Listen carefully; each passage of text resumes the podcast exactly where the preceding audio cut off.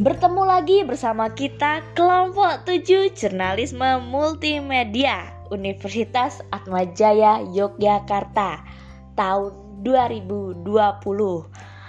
Kali ini kita akan membagikan informasi tentang Gereja Santo Petrus Surakarta di mana dalam rangka merayakan Natal di tahun 2020 Gereja Santo Petrus Surakarta membagikan kuota gratis kepada 120 mahasiswa.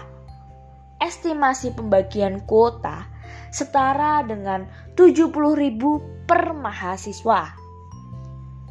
Pegawai Sekretariat Gereja Santo Petrus Surakarta, Francisca Tri Setiarini, mengatakan bahwa mereka dihubungi oleh beberapa kelompok mahasiswa Katolik yang meminta bantuan.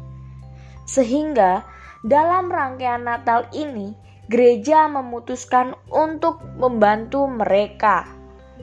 Selain membantu dengan memberikan kuota untuk mahasiswa, gereja juga membantu dalam bentuk sembako. Bantuan berupa sembako ini nantinya akan disalurkan tidak hanya kepada mahasiswa, melainkan juga kepada masyarakat.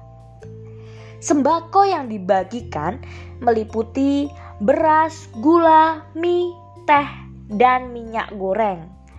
Terdapat sekitar 200 umat yang terdaftar untuk menerima bantuan sembako tersebut. Kegiatan ini akan dilaksanakan pada tanggal 23 Desember 2020 siang sebelum rangkaian ibadah Natal dimulai. Sekian dari kelompok 7 Jurnalisme Multimedia Universitas Atmajaya Yogyakarta tahun 2020.